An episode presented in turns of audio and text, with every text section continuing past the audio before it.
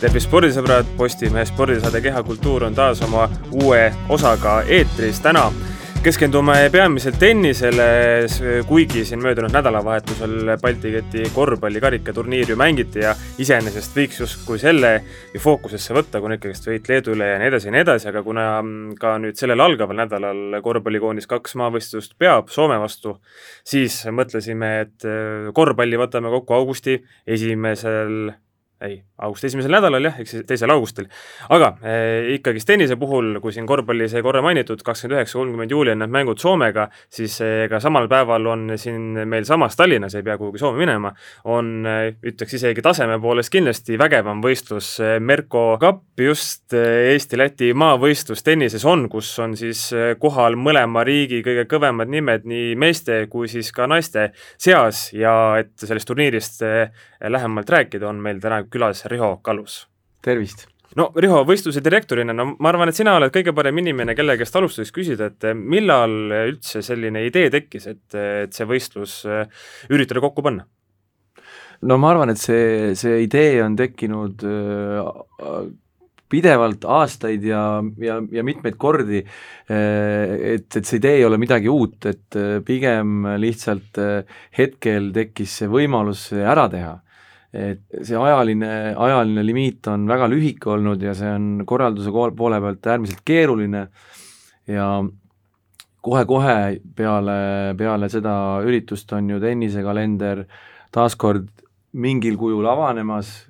et mängijad juba saavad mingitel võistlustel osaleda, et äh, loomulikult sportlastel hommikust õhtuni trenni teha ja hoida ennast heas vormis, äh, mille nimel võistelda ei saa, eks ju, et äh, et see, see olukord on õnneks meil täna selline, et me saame vabalt sporti teha ja seda, seda lubatakse teha, et see on nagu see põhiline põhjus, miks see, miks see just praegu sündis. millal see korraldustöö pihta hakkas?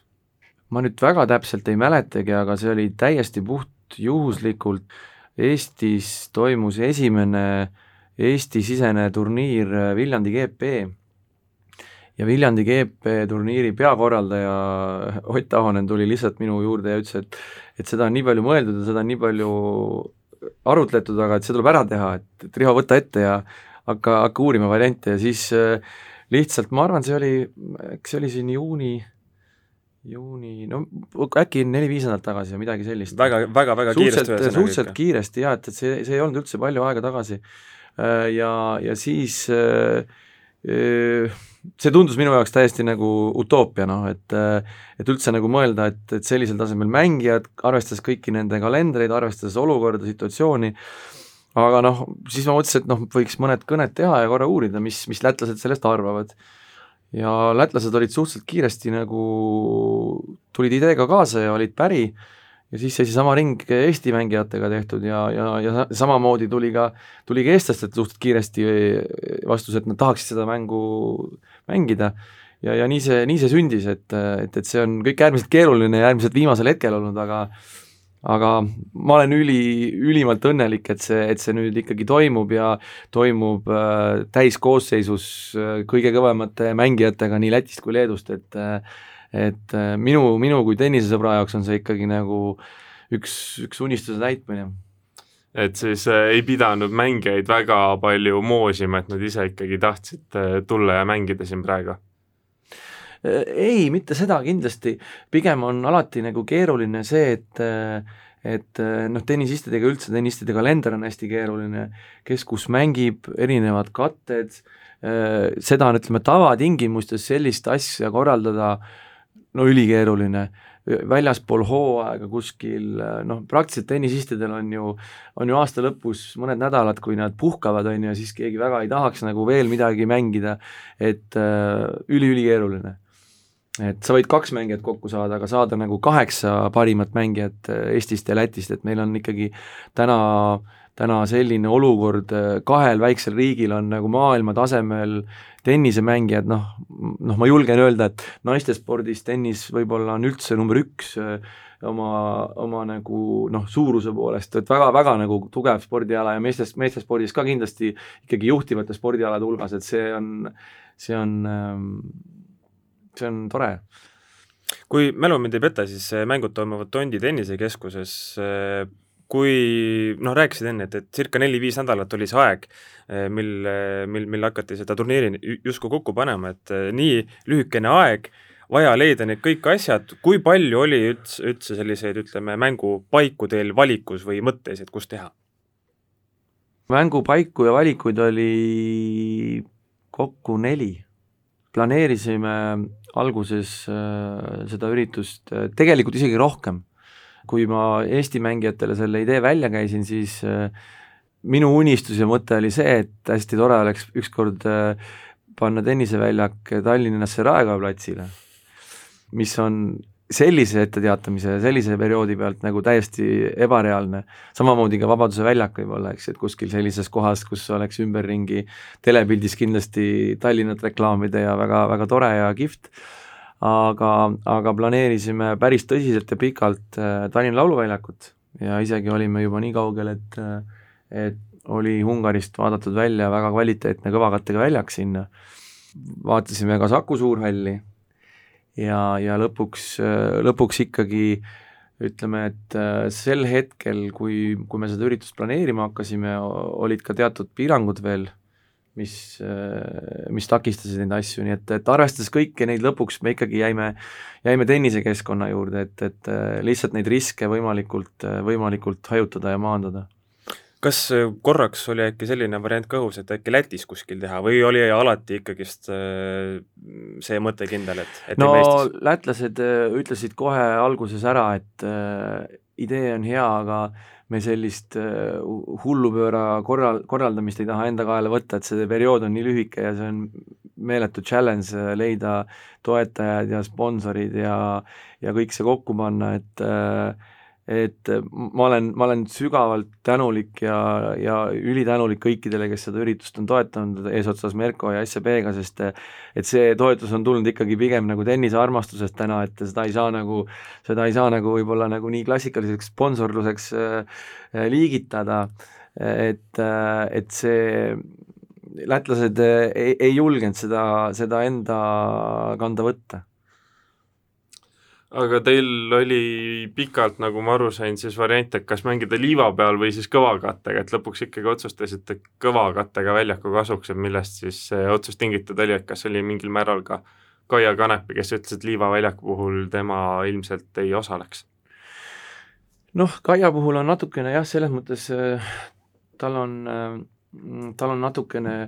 olukord keeruline seoses sellega, esiteks, et ta valmistus US Openiks ja ja tema olukord äh, kandadega ei ole, ei ole kõige parem, et see ühelt katelt teisele hüppamine mm, noh, ei ole mängijal, mängijale võib-olla sellises olukorras kõige, kõige lihtsam, parem,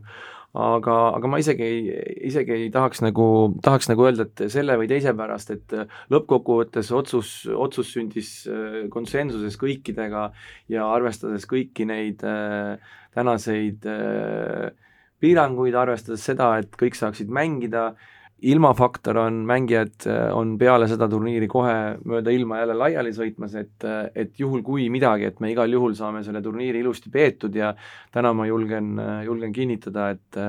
et kõik osalevad ja, ja me saame need üksteist matši ilusti graafikust kinni peetult ära teha millised üldse nii-öelda suuremad piirangud koroona, ütleme viirus siis äh, on, on teile kui korraldajatele ka seadnud, et üks, mis, mis, mis kõige rohkem silma torkab, on kindlasti see, et pealtvaatajaid ei saa olla noh, nii palju, kui, kui, kui, kui mahub või tahaks, eks ju, et arv on piiratud. noh jah, eks tegelikult on see äh, on see, me ei ole keegi selle eest ju kaitstud, enne kui, enne kui inimesed on vaktsineeritud, et et kõike võib juhtuda, meil on täna ikkagi, me oleme täna äh, ikkagi võrreldes muu maailmaga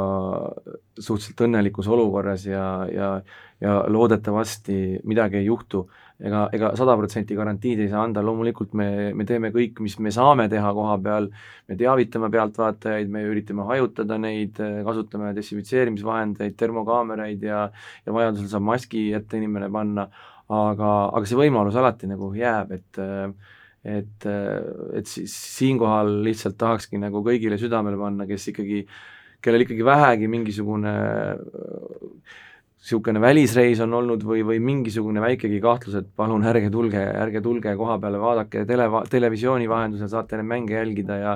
ja lihtsalt, et teiste inimeste tervist äh, mitte ohtu seada, et, äh, et see on kõige olulisem sõnum, mis, mis me omalt poolt teha saame.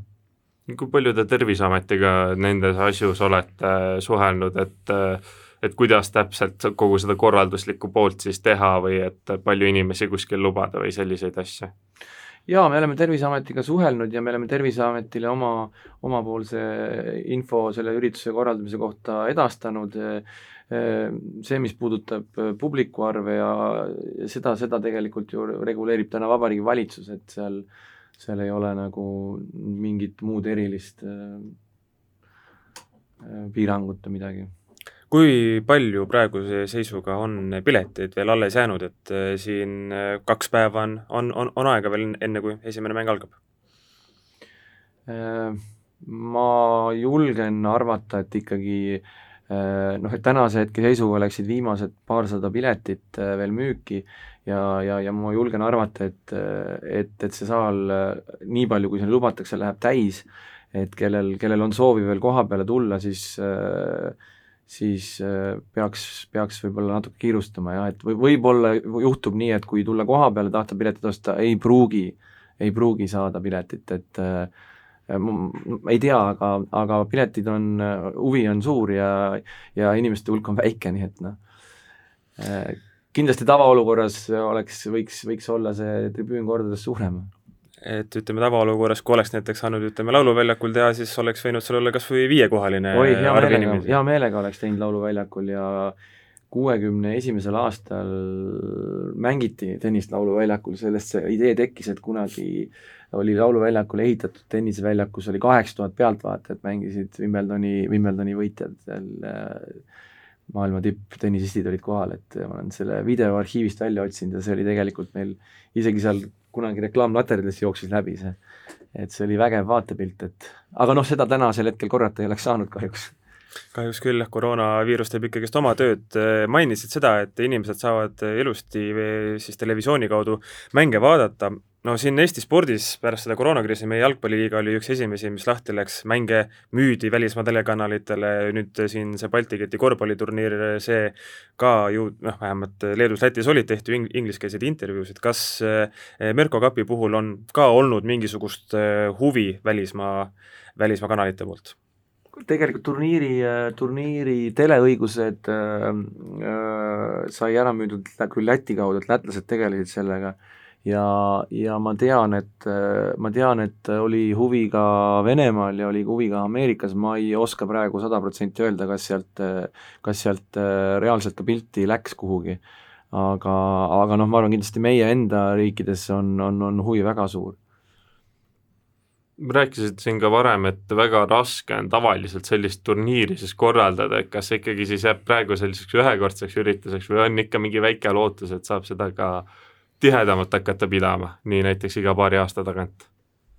see oleks kindlasti väga tore ja, ja, ja, ja miks mitte, et äh, ma arvan, see formaat, äh, et riigi kaks paremat saavad nii esimese kui teisega läbi mängida ja mängitakse paari ja, ja siis lõpetuseks veel segapaari, et see on, äh, see on kindlasti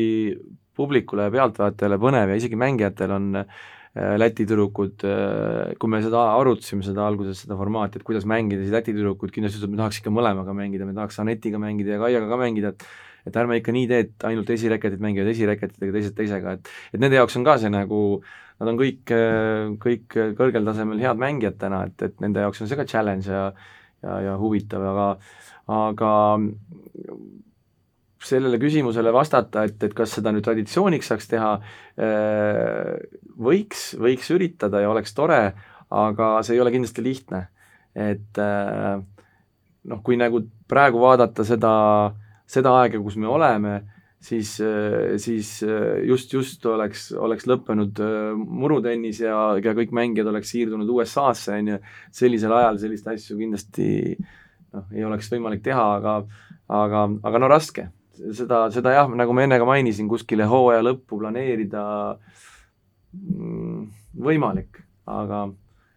aga nõuab, nõuab päris palju igasuguseid vastutulekuid ja kokkuleppeid omavahel, et veenma peab inimesi ikka väga, et nad no, tuleksid oma vabast ajast tegelikult, eks ju, ju mängima. no nii, nii on jah, jah, jah, nii on jah, et ja, ja me teame ka, et ega maailmas noh, tennises on, vähemalt suurriikide sportlastel, tennisesportlastel, kes on maailma tipud, korraldatakse näidismatše just nendel aegadel siis, kui see hooaja lõpud või asjad on, et ja, ja need ja need rahanumbrid ja honorarid, mis seal makstakse, et, et need on ikkagi päris, päris valus amps alla neelata niisugusel väiksel riigil või väikse riigi sponsoritel, toetajatel, et et, et see selles mõttes ei ole ka lihtne, noh milliseid nõudmisi üldse mängijad eh, ja kas üldse esitasid, et eh, ma saan aru, et üks see, et, et ainult esireketid esireketitega ei mängiks ja niimoodi, et see oli nagu üks asjadest, aga aga ma ei tea, nõudsid nad mingisuguseid eh, suuri summasid või ma ei tea, uhkeid, uhkeid hotellitubasid ja ei no ma võin ainult nii palju öelda, see on küll noh, meil nii-öelda korraldaja ja mängijate vaheline konfidentsiaalne kolmepoolne leping, et kes siis mis summat nõudis, aga aga ma võin öelda, et nad tegelikult ei mängi keegi täna puhtalt raha pärast seda turniiri et nad ikkagi mängivad puhtalt ka sportlikust soovist omavahel mõõtu võtta. ja see on minu jaoks nagu väga meeldiv ja oluline, et see on ikkagi tõsine nagu mõõduvõtt ähm,. et ähm, noh spordi naiste ja meeste hiitlus, mitte lihtsalt, et tuleme kokku, paneme midagi taskusse ja no, siis vaatame, mis saab. absoluutselt, ikka, ikka, ikka. et äh, põnev ütlesidki just siin, et mängivad ikkagi sportlikust huvist siin põhiliselt, et mis sa arvad, kui kõrgeks see tase siis neil siin äh, kerkib, et noh, muidu pikk paus on ikkagi selja taga, aga samas trenni on kindlasti kõvasti vihutud, et mis sa arvad, mis tasemel praegu need tennisistid oma mängus on? no praegu on, äh, no nii palju, kui ma tean, nendest mängijatest, mis nad praegu teinud on, no äh, näiteks äh, Läti meeste esi, esireket äh, Ernest Kulbis, enne kui ta, tema on, tema on selles mõttes ka see, tema karjäär on ka niisugune suhteliselt üles-alla olnud hästi palju, et ta on maailma tippe kõiki võitnud seal alates Federerist, Djokovicist, ta on, ta on, ta on võimeline mängima täiesti maailma tasemel parimat tennist aga tema ju hooaega alustas Austraalia Openis, tuli kvalifikatsioonist läbi, alistas maailma kahekümnenda reketi ja nädal hiljem võitis veel, võitis veel ATP Challenger turniiri ja siis tuli, siis tuligi äh, piirang ja keeld, et ta alustas väga hästi hooaega ja väidetavalt pidi ka väga heas vormis praegu olema. Semastova käis just äh, nädal tagasi Berliinis äh, mängimas turniiri ja alistas maailma top kümne mängijaid ja Petra Kvitova finaalis, nii et oli ka oli ka väga, väga tubli, nii et äh, meie tüdrukutest ma võin öelda, et äh, et just täna rääkisin siin Aneti, Aneti, või ta Kaiaga ja Kaia tiimiga, ütles, et Kaia on füüsiliselt väga heas vormis ja, ja on ka väga lahinguvalmis, et et ähm, ma julgeks arvata, et nad kõik, kõik on ikkagi vormis. Vladimir Ivanov tuli just värskelt Eesti meistriks kaheksandat korda ähm, on, on nagu mänginud Eestis juba paar, paar kuud, on saanud turniire mängida, et äh, kõik, kõik, kõik teevad kõvasti trenni praegu, vihuvad trenni ja, ja on, on valmis eks see maa-, need äh, igasugused positsioonid maailma edetabelites ka näitavad, et, et ikkagist oskuseid ja, ja talenti nendel tennisistidel on küllaga. no mina ei ole tennisajalooga nüüd nii väga kursis, sina oled kindlasti rohkem, kas mulle vähemalt tundub, et, et selleks maavõistluseks on, on praegu ka sellepärast hea aeg, et mõlema riigi siis tennis on lihtsalt väga heal tasemel? jaa, ei absoluutselt, et noh, Eesti tennises on alati, no me alati, alati räägime, kui siin niisugused tenniseinimesed omavahel arutavad ja räägivad, et et noh, alati tahaks veel ja paremat ja millal tuleb järgmine ja millal see ja et siis, kui me mõtleme seda olukorda, et kui meil on, kui meil on no ütleme, naistest täna ikkagi praktiliselt maailma, kaks, kaks maailma tasemel head mängijat, siis siis see on, see on väga harukordne, see on, see on väga-väga harukordne, isegi kui sul üks on, et et äh, neid äh, väiksest riigist sellise rahvaarvu juures lihtsalt ei teki neid niimoodi äh, pidevalt ja kogu aeg, et et ja, ja Lätil on samasugune olukord, et et seda enam on see ülipõnev vastasseis täna, et, et selline olukord on sattunud. aga kui meil siin nüüd selline vastasseis on, et äkki siis tahad väikse ennustuse ka teha, et kui sa nüüd neid mängijaid paberil vaatad, et siis kumb riik siin peale peaks jääma, et ajalooliselt vist Eesti on natukene parem Lätist olnud, nii palju kui on kohtutud, kui me võtame ka siis enne Teise maailmasõja aegse aja sisse, et mis sa arvad, et kes siis seekord ei, ma võin omapoolse ennustuse kohe ära öelda, et siin ei ole Lätil mitte mingit varianti, et siin on kindlasti eestlased võtavad selle ära kodupubliku ees. päris kindlasti. selline natuke läbi sinimustvalgete prillide ennustus. ei ole, meil on ikka paremad, meil on paremad mismoodi üldse tegelikult see nii-öelda lõplik võitja selgitatakse, et, et nagu mainisid, et üksteist matši kokku sellel turniiril on, et kas siis on see, et kes võidab esimesena, jõuab kuue võiduni, siis see kuulutatakse ka siis matši üldvõitjaks? Jah, kõik mängud peetakse ära, kõik need üksteist mängu kahe päeva jooksul, kuue võiduga on võitja selgunud, aga, aga jah, et me mängime ikkagi lõpuni ja mängitakse neljas erinevas sessioonis, hommiku ja õhtusessioonides, nii üksik- kui paarismänge, nii et äh, mängijad kohtuvad üksikmängus äh, siis põhimõttel, et esimesed ja esimesed-teised kohtuvad omavahel, mängitakse meestepaar esimesel päeval ja teisel päeval ka siis naistepaar ja lõpetuseks äh, viimane formaat segapaarist on natuke teistmoodi ja võib-olla natukene ka väikse show elemendiga, et kõik mängijad on äh, platsil korraga ja kapten äh, saab äh, vahetada mängijaid. et see viimane mäng on niisugune noh, kui see, kui see muidugi seis on viis-viis selleks hetkeks, siis, äh, siis see tuleb väga tõsine mäng et selline formaat. ja et seda ohtu siis ei ole, et äh, kui esmaspäeva hommikuks Eesti on ära võitnud, et siis öeldakse, et nii, et nüüd on turniir läbi ja koju ära? ei, ei, nagu ka, nagu ka Fed Cupidel ja Davis Cupidel mängitakse alati mängud äh, lõpuni, sõltumata siis sellest, kas seis on juba selgunud, et ikka lõpuni, jaa no nii, aga Riho, ega minul ega Christopheril rohkem küsimusi sul ei olegi suur,, suur-suur aitäh aja eest ja hoiame kõik pöidlad ja varbad pihus, et, et siis te, sel, sellel kolmapäeval ja neljapäeval toimuv Merko kapp oleks võimalikult edukas. suur tänu kutsumast, aitäh! Saime tennisest paarkümmend minutit rääkida, aga arvend-, arveldame ühe võla ka ära, mis, mis siin ütlemata jäi, nimelt me küll tutvustasime Merko Kappi, rääkisime, kes meil sellest siin vestlemas käis, küll jäi aga ütlemata see, et kes meie oleme. minu nimi on Henri Lääne ja minuga koos on stuudios ka Christopher Kruto, mõlemad oleme siis Postimehe spordiajakirjanikud. just, tervist siis kõigile tagantjärele et äh, nädalavahetusel siis, kuigi siin alguses sai räägitud, et korvpallist, siis põhjalikumalt äh, võtame siin kehakultuuris kokku järgneval nädalal, kui ka Soomega on mängud peetud, siis noh, natukene ikkagi sellel nüüd äh, peatume, sest äh, noh, ajalooline võit Leedu üle lisaajal, Kriisa supermäng ja siis ka pärast äh, Läti üle selline noh, ütleme rutiinne võit juba. puhtalt üle, üleolekuga võetud võit, et äh, Henri, kuidas sa? jaa, ega ütleme niimoodi, et äh, kuna ise ütleme, maailma kõige suurem korvpalliekspert ei ole, et, et mis ma siis ikka hakkan reostama eetrit oma mingisuguste süvaanalüüsidega, järgmine nädal saate neid, neid ilmselt kuulda, üritame kedagi ka Eesti korvpallikoondisest endale külla kutsuda. aga no Leedu mäng oli, ma arvan, ikkagist selle nii-öelda mm, lähema või noh, viimaste aastate jooksul üks selliseid kõvemaid elamusi. Et, et just see stsenaarium, et selline pikk koroonapaus olnud, pole ammu mingisugust äh, tipptasemel korvpalli näinud, tuleb Leedu, kellel jah, on palju puudujaid, samas koosseis oli endiselt äh, väga kõva, oli mehi Euroliigast, Eurokapist, ju näiteks lisaajal enamasti mängisidki siis äh, Leedu nii-öelda kõige nimekamad mehed, et seal korvi all, Birutis oli ainus selline, kes noh, ei ole mingisugune suuremat sorti tegija, aga ikkagist Leedu eh, meistrivõistlustel eelmisel hooajal tegi väga-väga hea hooaja, nii et mingisugune papis poiss pole tema kah. ja ikkagi, et sellise sellise vastase juures sellise mänguga võita, eriti olukorras, kus Äh, siis kuidas me ütleme, võidurelvadeks olid, olid energia ja suurem tahe lihtsalt, noh, sellist asja ei saa mitte, mitte armastada, et ja see, et üks üheksateistaastane kutt paneb äh, kaheteistkümnes kolmeses kaheksa kotti, on kaitses väga hea, jagab ka väga ilusti söötu ja noh, olgem ausad, Gergriisa tüüris ju Eesti-Leedu vastu võidule, et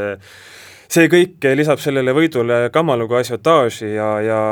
aga, aga ka seegi, et Janar Jõesaar ja Sander Raiest olidki, ma arvan, selle energia ja tahte siis kõige suuremad sellised äh, etalonid, ütleme niimoodi, et need mehed võitlesid seal ikka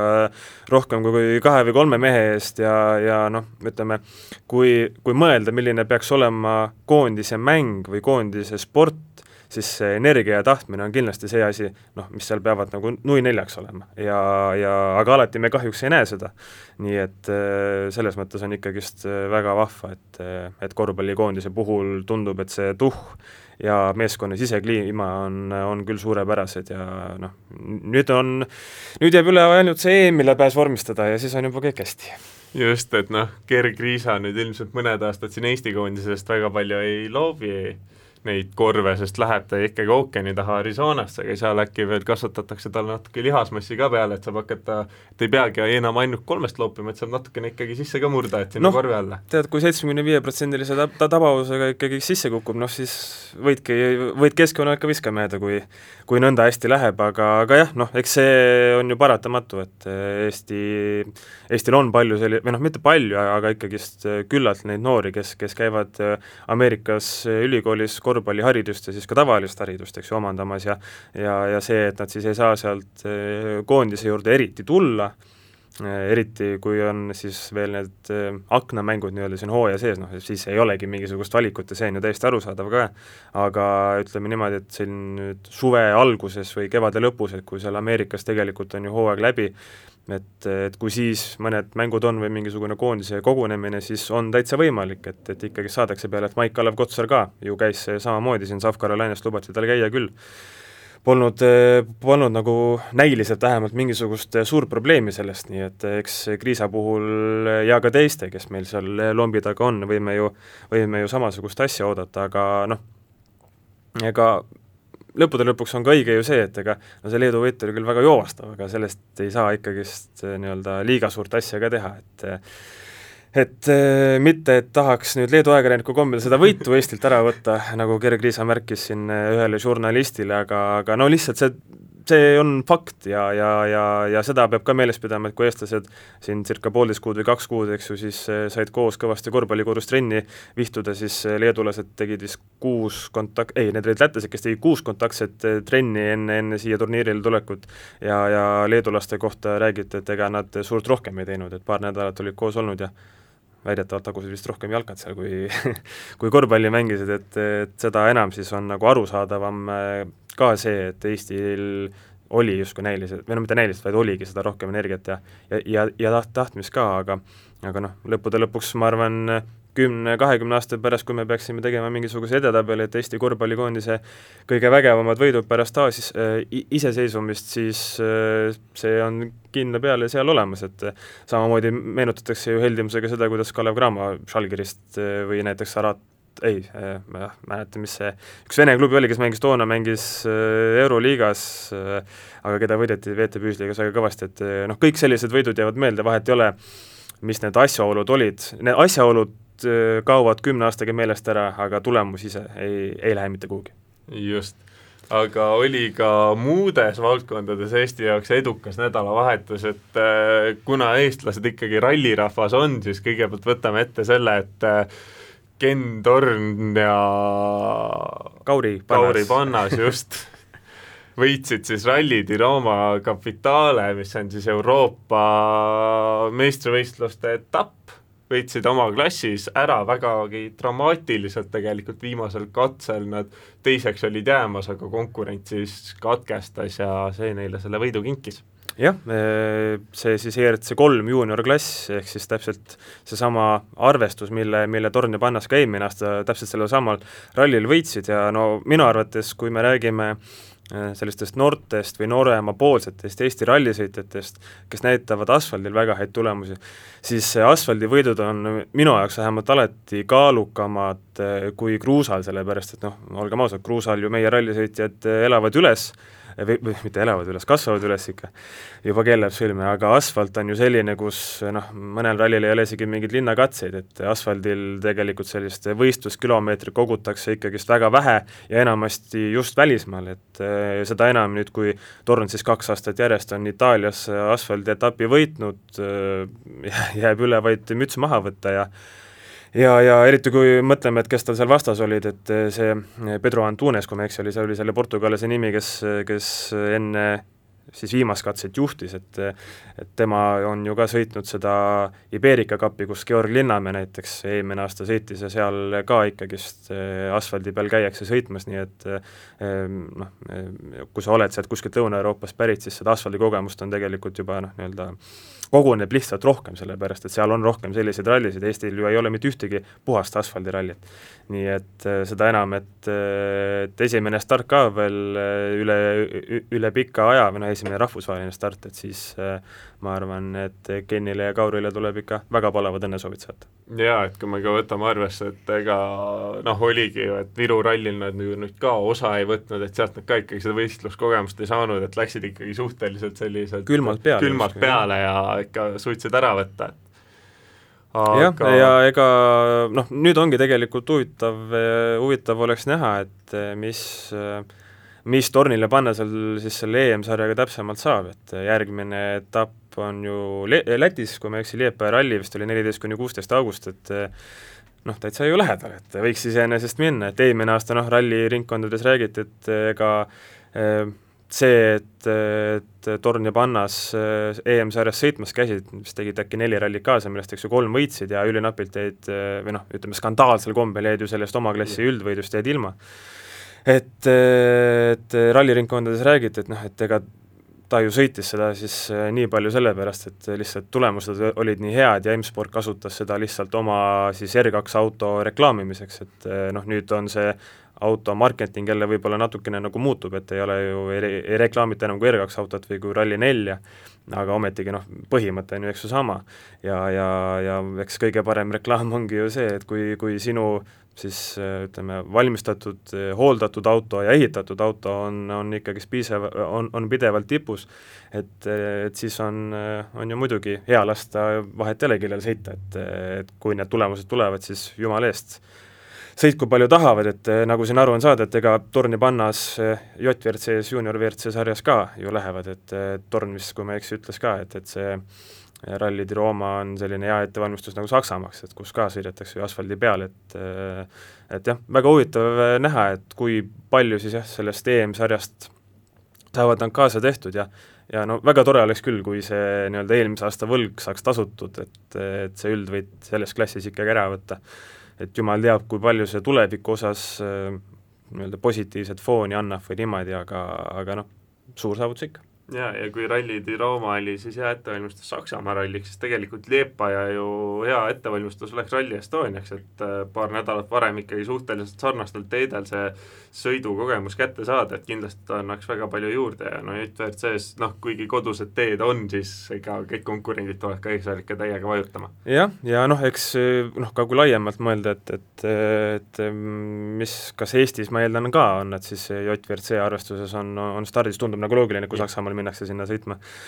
et eh, Liepaja on selles mõttes tõesti siin eelmine nädal ühe, ühe loo tarbeks, mis ma Poola rallimeestega tegin, sai neid Liepaja igasuguseid pardavideoid eh, vaadatud ja no noh, niisugune tunne, et pidurit seal nagu ei tuntagi, et eh, gaas peab põhjas olema ju ka, ja kui jala gaasipedalilt ära võtad, siis noh, seal sa kaotadki. et, et kindlasti Rally Estoniaks on nagu fantast-, on fantastiline ettevalmistus ja ja, ja, ja ega meil siin ju augusti lõpus, kas oli vist kakskümmend kaks või kakskümmend kolm august on ju Lõuna-Eesti ralli, et mis on ka tegelikult noh, ka jälle selline väga hea koht, kus, kuhu tulla ja nii-öelda seda sõiduroostet siis maha lihvida ja ja ka siis Eesti teedega rohkem tutvuda, et äh, ei olegi ausalt öeldes kuulnud, et kui palju on näiteks rahvusvaheliselt huvi selle ralli vastu just selles mõttes, et testida ja, ja Rally Estonia jaoks siis, et äh, neid võistlusi ju lahutab siis kaks nädalat ja et noh, see on ju lühikene aeg, et tegelikult äh, siis selleks Lõuna-Eestiks, Lõuna-Eesti ralliks siia tulla paar nädalat veel veel kohaneda ja olla, eks ju, ja, ja, ja siis Rally Estoniale peale minna, et see tundub ausalt öeldes selline, selline pakett, et sellest paremat ettevalmistust nagu tegelikult suurt olla ei saagi. ja et äh, Saaremaa ralli ta näitab, Robert Virves rääkis siis ka jah, mulle eelmine nädal ühe teise loo tarbesse, eks, et äh, et jah, et ta eeldab ka, et ikkagi neid JVRC sõitjaid sellest äh, Lõuna-Eesti rallist kindlasti osa võtab, et tema arvas küll, et noh, tahetaksegi see superpakett ikka ära kasutada ja ütles, et kui peaks raha kokku saama Rally Estoniaks, siis kui midagi üle jääb, siis ta tahaks ikkagi ise ka Lõuna-Eesti rallil selle Ford Fiesta Rally4-ga stardis olla. jah, ja eks see on ka selles mõttes, tundub nagu loogiline, et kuna need väga kiired rallid on ju need, mis nõuavad kõige suuremat enesekindlust, ja noh, kui sa siis nüüd ei ole siin mitu kuud sõitnud või oled nüüd selle mitme kuu jooksul sõitnud korra kaks, noh, sul ei saagi tegelikult ju olla sellist suurt enesekindlust, aga ometigi noh, nii Liepa ja Lõuna-Eesti kui siis ka Rally Estonia puhul see enesekindlus on ikkagist väga-väga oluline märksõna, et kui oleks, ma ei tea, mingisugune Jaapani ralli näiteks, kus Teemu Suninen rääkis, et seal, et see on maailma kõige aeglasem ralli, et enamus, enamus kurvid on esimese või teise käigu omad, et noh, siis seal võib-olla käib asi tõesti rohkem nii-öelda, kuidas me ütleme, sõidutehnika osas ja, ja, ja, ja niimoodi. aga kui noh, keskmised kiirused on seal kuskil, ma ei tea, sada kümme pluss ja niimoodi, et siis, siis jah, sellest see tehnika mängib ka rolli, aga, aga rohkem, aga ikkagist julgus, ma usun, on, on, on veel suurem faktor ja, ja üldsegi, kui no, korraks ka Rally Estonia peale mõelda, siis see nädal või eelmine nädal, vabandust, tuli ju ka ajakava, et seitseteist kiiruskatset ja Eh, suti üle kahesaja kolmekümne kahe kilomeetri, vist kuussada meetrit oli,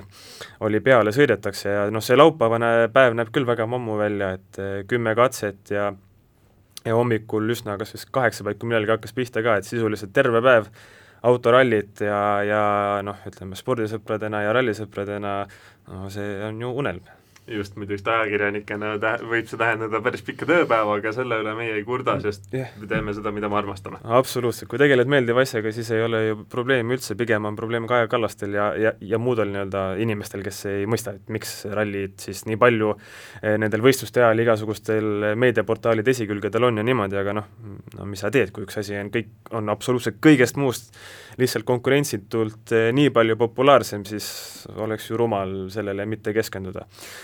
et, eh, et jah, et Rally Estonia neljas kuni kuues september on, Postimees läheb suure, suure tiimiga sinna peale, nii et jälgige kindlasti kõiki meie kanaleid, aga nüüd selle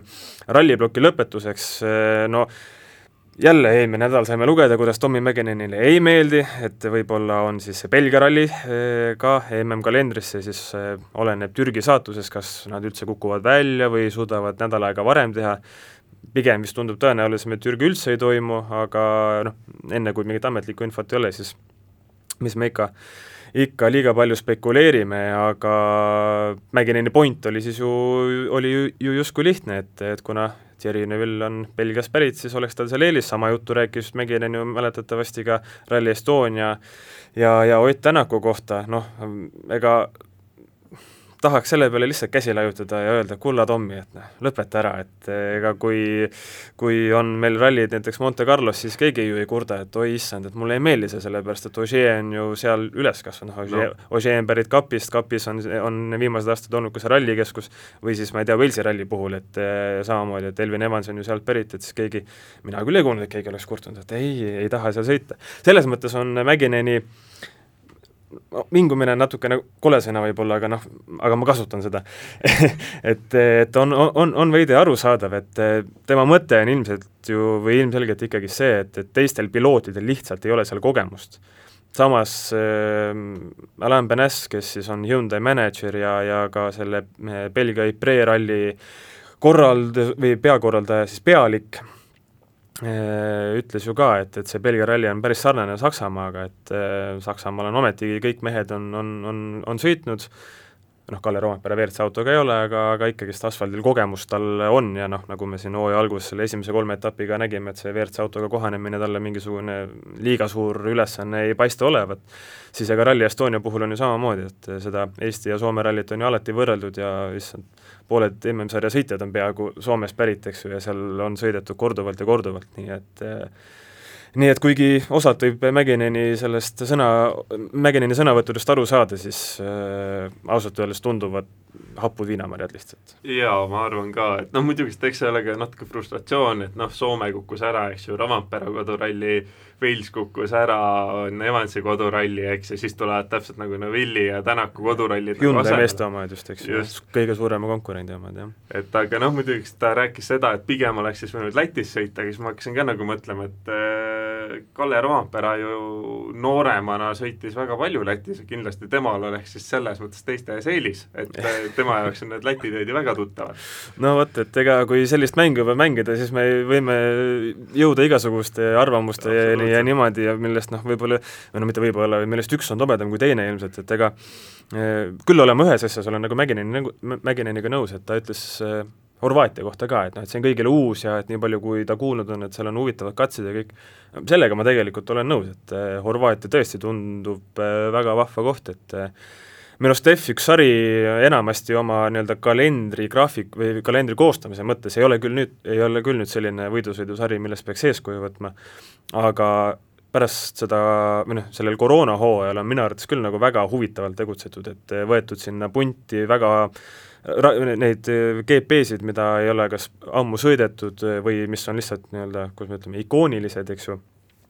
ja, ja, ja mis ikkagist toovad väga palju värskust sellele juurde, et äh, ralli, rallisõbrana noh, natukene tahaks ka tegelikult, et oleks midagi nii uut, et okei okay,, Eesti me saame, samas eestlastena noh, see ei, see ei ole meile nagu juhus, eks ju, me oleme sellega noh, nüüd üheksa, üheksa korda oleme juba, oleme juba harjunud, et, et jah, et selle Horvaatia tunduks nagu huvitav, samas tuleb alati silmas pidada ka ju seda aspekti, et kui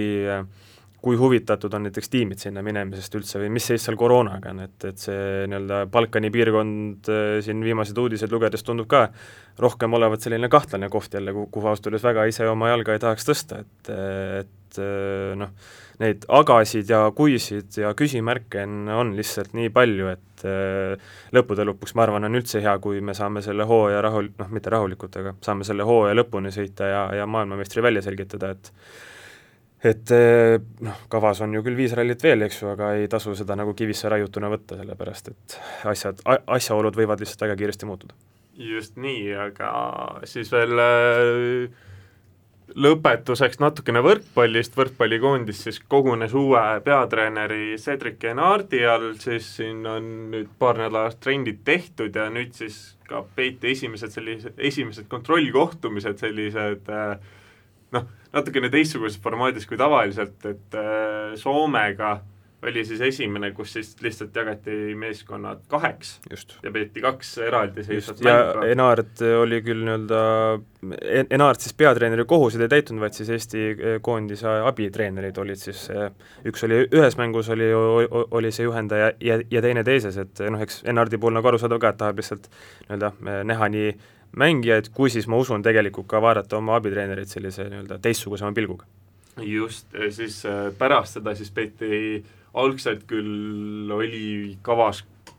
kaks sõprusmängu, selle asemel peeti üks kuue, kuuegeimiline selline maratonmäng, mille Eesti siis viis-üks kindlalt võitis ja ikkagi päris selliste positiivsete emotsioonidega sealt Soomest tagasi tuli, aga ilmselt see ei ole ikkagi see kõige suurem äh, uudis, mis meil siis nüüd võrkpalliga seoses on jah, no minule isiklikult jäi vähemalt eelmisest sellest võrkpallinädalast, no peale selle, et Poolasse koroonaohu pärast ei mindud, aga noh, see on ju kõik arusaadav, see on, on väga tervitatav otsus, aga jäi ikkagist silma Enardi siis intervjuu Eesti Rahvusringhäälingule, et kus noh, mõned mängijad on, otsustasid siis koondise suve vahele jätta erinevatel põhjustel, kas on uus koduklubi või mingid vigastused või, või, või mingid muud mured, aga Enard, Enard ütles, et, et ta on mitme, mitme asja puhul mõnele mängijale mõeldes väga pettunud ja, ja et see jääb talle meelde, noh, ütleme, Georg Gretšuval ju me nägime seda, mis, mis, mis mulle jääb see meelde tähendab, et, et mõned mehed lihtsalt mitu aastat olidki raksus ja ja, ja, ja koondist ei esindanud, et selles mõttes on, on kahju, et, et jälle oleme sellise küna või probleemi otsas, et no aga lõppude lõpuks see suvi õnneks ju mingisuguseid olulisi mänge ei ole, et küll on aga ju järgmine aasta on EM, et eh, ikka sinna nui neljaks on vaja see kõige parem koosseis kokku saada ja kui see tähendab mingisugused ma ei tea, egode kõrvalepanemist või midagi sellist, et siis see on kindlasti asi, mida tuleb teha, aga lihtsalt eh, veidi oli üllatav, et, et jällegist selline, selline sõnavõtt ja selline probleem, et, et mingid, mingid suusad on risti läinud ja tundub nii jah, et äh, samas kui vaadata nende mängijate põhjuseid nagu iga mängija peale eraldi, siis tegelikult on täiesti mõistetav põhjused ongi, et sa lähed uude klubisse kõrgel tasemel, koroona nagunii, eks, et kõik see on juba mõjutanud ettevalmistusi, siis äh, kes, kes siin on äh, isaks saanud ja sellised asjad, et noh, kõigil on mõjuv põhjused, aga lihtsalt ma arvan, et mis Ennardile ei meeldi, on see, et neid põhjuseid kogunes nii palju, et jälle nagu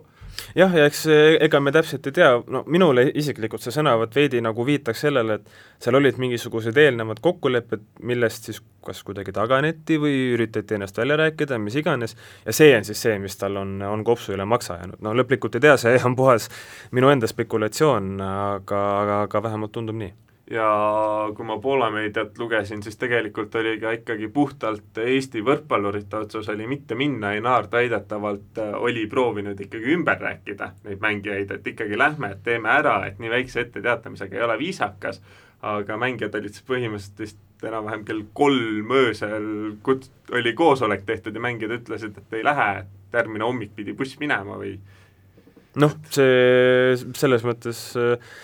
nii-öelda treeneri poolt arusaadav, ei ole tõesti viisakas, samas ka inimlikult on ju arusaadav, et, et ega keegi ennast ohtu, ohtu ei taha panna,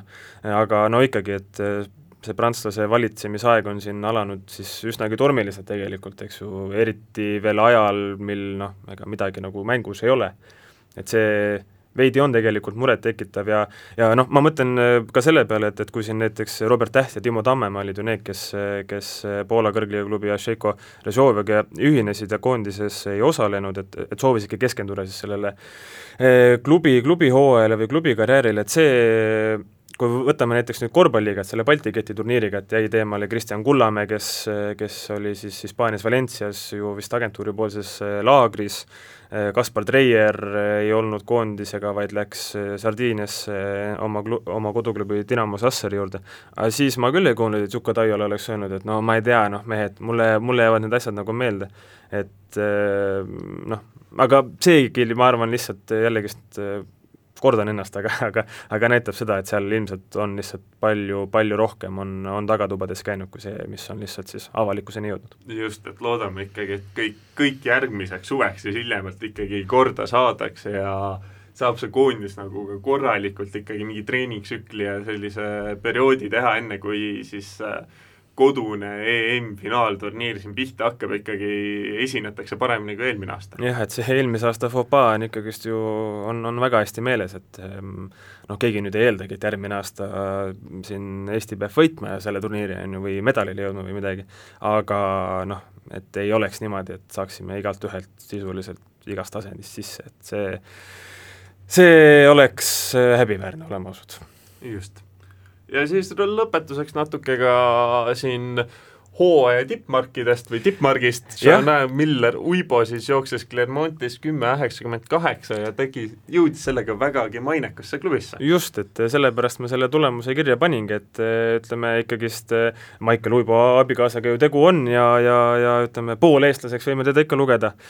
et eh, tõesti, et ta on nüüd siis neljas naine kergejõustiku ajaloos, kes eh, on, kelle saja meetri isiklik rekord on alla üheteist sekundi, kelle kahesaja meetri isiklik rekord on alla kahekümne kahe sekundi ja kelle neljasaja meetri isiklik rekord on siis, kas oli vist nelikümmend kaheksa sekundit äkki, alla selle.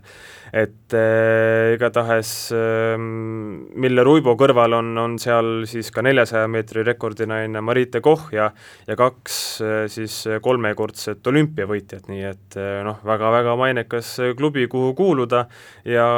näitab lihtsalt, et tegemist on ülimalt mitmekülgse sportlasega. jaa, kusjuures sarnase rekordiga või sarnase sellise saavutusega sai siis ka hakkama USA sprinter Michael Norman, kes siis jõudis klubisse, kus oli siis sada meetrit alla kümne sekundi, kakssada meetrit alla kahekümne sekundi ja nelisada meetrit alla neljakümne nelja sekundi ja kusjuures tema on alles teine mm, sportlane, kes on siis sellise tulemusega hakkama saanud, et selline huvitav nädal oli siis kergejõustikus. no just, tundub, et kergejõustikumaailm ka ikkagi soojeneb vaikselt üles siin, äh, vaadates erinevate maade meediaväljaandeid, siis ikkagi võistlusi toimub nii siin kui ka seal ja noh, olgem ausad, kergejõustik on ka Eesti spordisõprade seas ju väga populaarne ja, ja, ja tahaks ikkagist näha veelgi ja veelgi rohkem seda ja et neid võistlusi siis ka ju, juba oleks, oleks publikuga, aga no mis seal ikka, eh, publikuga on loodetavasti meie tänane saade, aitäh kuulamast ja Kehakultuur siis juba uuel nädalal, teisel augustil, mil võtame eh, siis põhjalikumalt ette Eesti korvpallikoondise Balti keti turniiri ja siis ka sõprusmängud Soomega. aitäh kuulamast ja head aega! Nägemist!